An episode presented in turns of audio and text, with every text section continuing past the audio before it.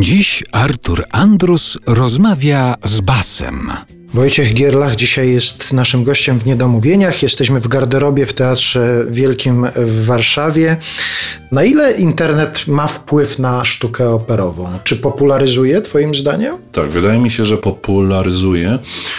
Dzięki internetowi, dzięki właśnie YouTube, młodzi wykonawcy y, mają dużo więcej tego materiału, materiału dydaktycznego. Mają więcej inspiracji. Ojejku, już tu zaczynam gadać jak jakiś taki po prostu stary ramol, ale rzeczywiście uświadomiłem sobie, że tak ten czas płynie. I to bardzo poszło wszystko do przodu.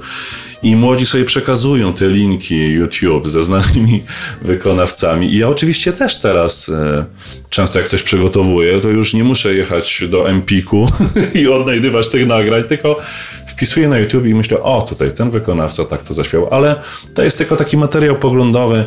Jeżeli ktoś chce być długo na tym rynku i, i istnieć, mieć swoją indywidualność, swoją rozpoznawalność, musi absolutnie przynieść publiczności coś swojego, coś mhm. swojego, coś autentycznego.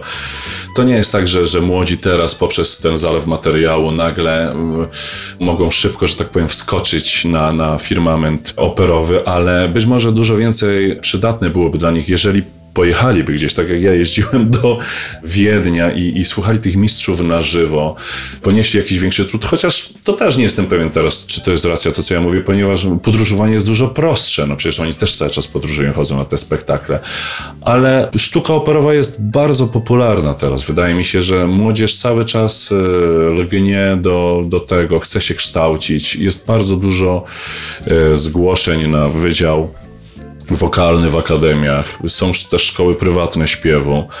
Myślę, że, że opera po tej pandemii szybko się odrodzi, to będzie dalej, dalej kwitło. Właściwie takimi życzeniami powinniśmy zakończyć tę naszą rozmowę, ale ja jeszcze chciałem zakończyć odniesieniem do jednej kwestii. Wspominaliśmy tutaj o tym pechu związanym z pandemią, że parę rzeczy się odłożyło, niektóre być może niestety przepadły, ale jest w tym pechu jakieś drobne szczęście, bo na przykład gdyby nie ta okoliczność, w jakiej się znaleźliśmy, to by nie powstała taka rzecz, którą mi podesłałeś, którą zobaczyłem i też się nią zachwyciłem, że i artyści operowi nagle zaczęli domowe nagrania prezentować światu i ty coś takiego przygotowałeś razem z artystami opery w Dublinie. W Dublinie, tak? Tak. tak. I to właśnie takie pandemiczne wydarzenie troszeczkę, że wy w domach nagraliście. I właśnie, no jest jeden pozytyw tej, tej całej pandemii, że naprawdę dzięki internetowi może zobaczyć nas często bardzo szeroka publiczność z całego świata, bo ten projekt to był projekt zrobiony na wiosnę i wtedy na pewno zauważyłeś, było wysyp tych projektów, kiedy artyści na przykład z chórów, yy, wszyscy online łączyli się i nagrywaliśmy te materiały i umieszczaliśmy je w sieci. Teraz to się zmieniło. Teraz już instytucje typu Teatr Wielki, Filharmonie już mają zakupiony sprzęt i są produkcje online, ale wtedy to były takie spontaniczne odruchy poszczególnych instytucji. To były piękne sprawy.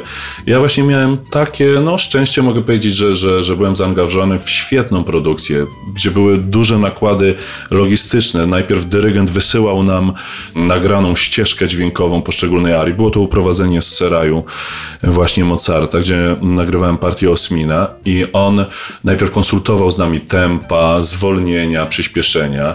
Nagrywał to sam u siebie w domu na fortepianie, ponieważ ten dyrygent jest również świetnym pianistą.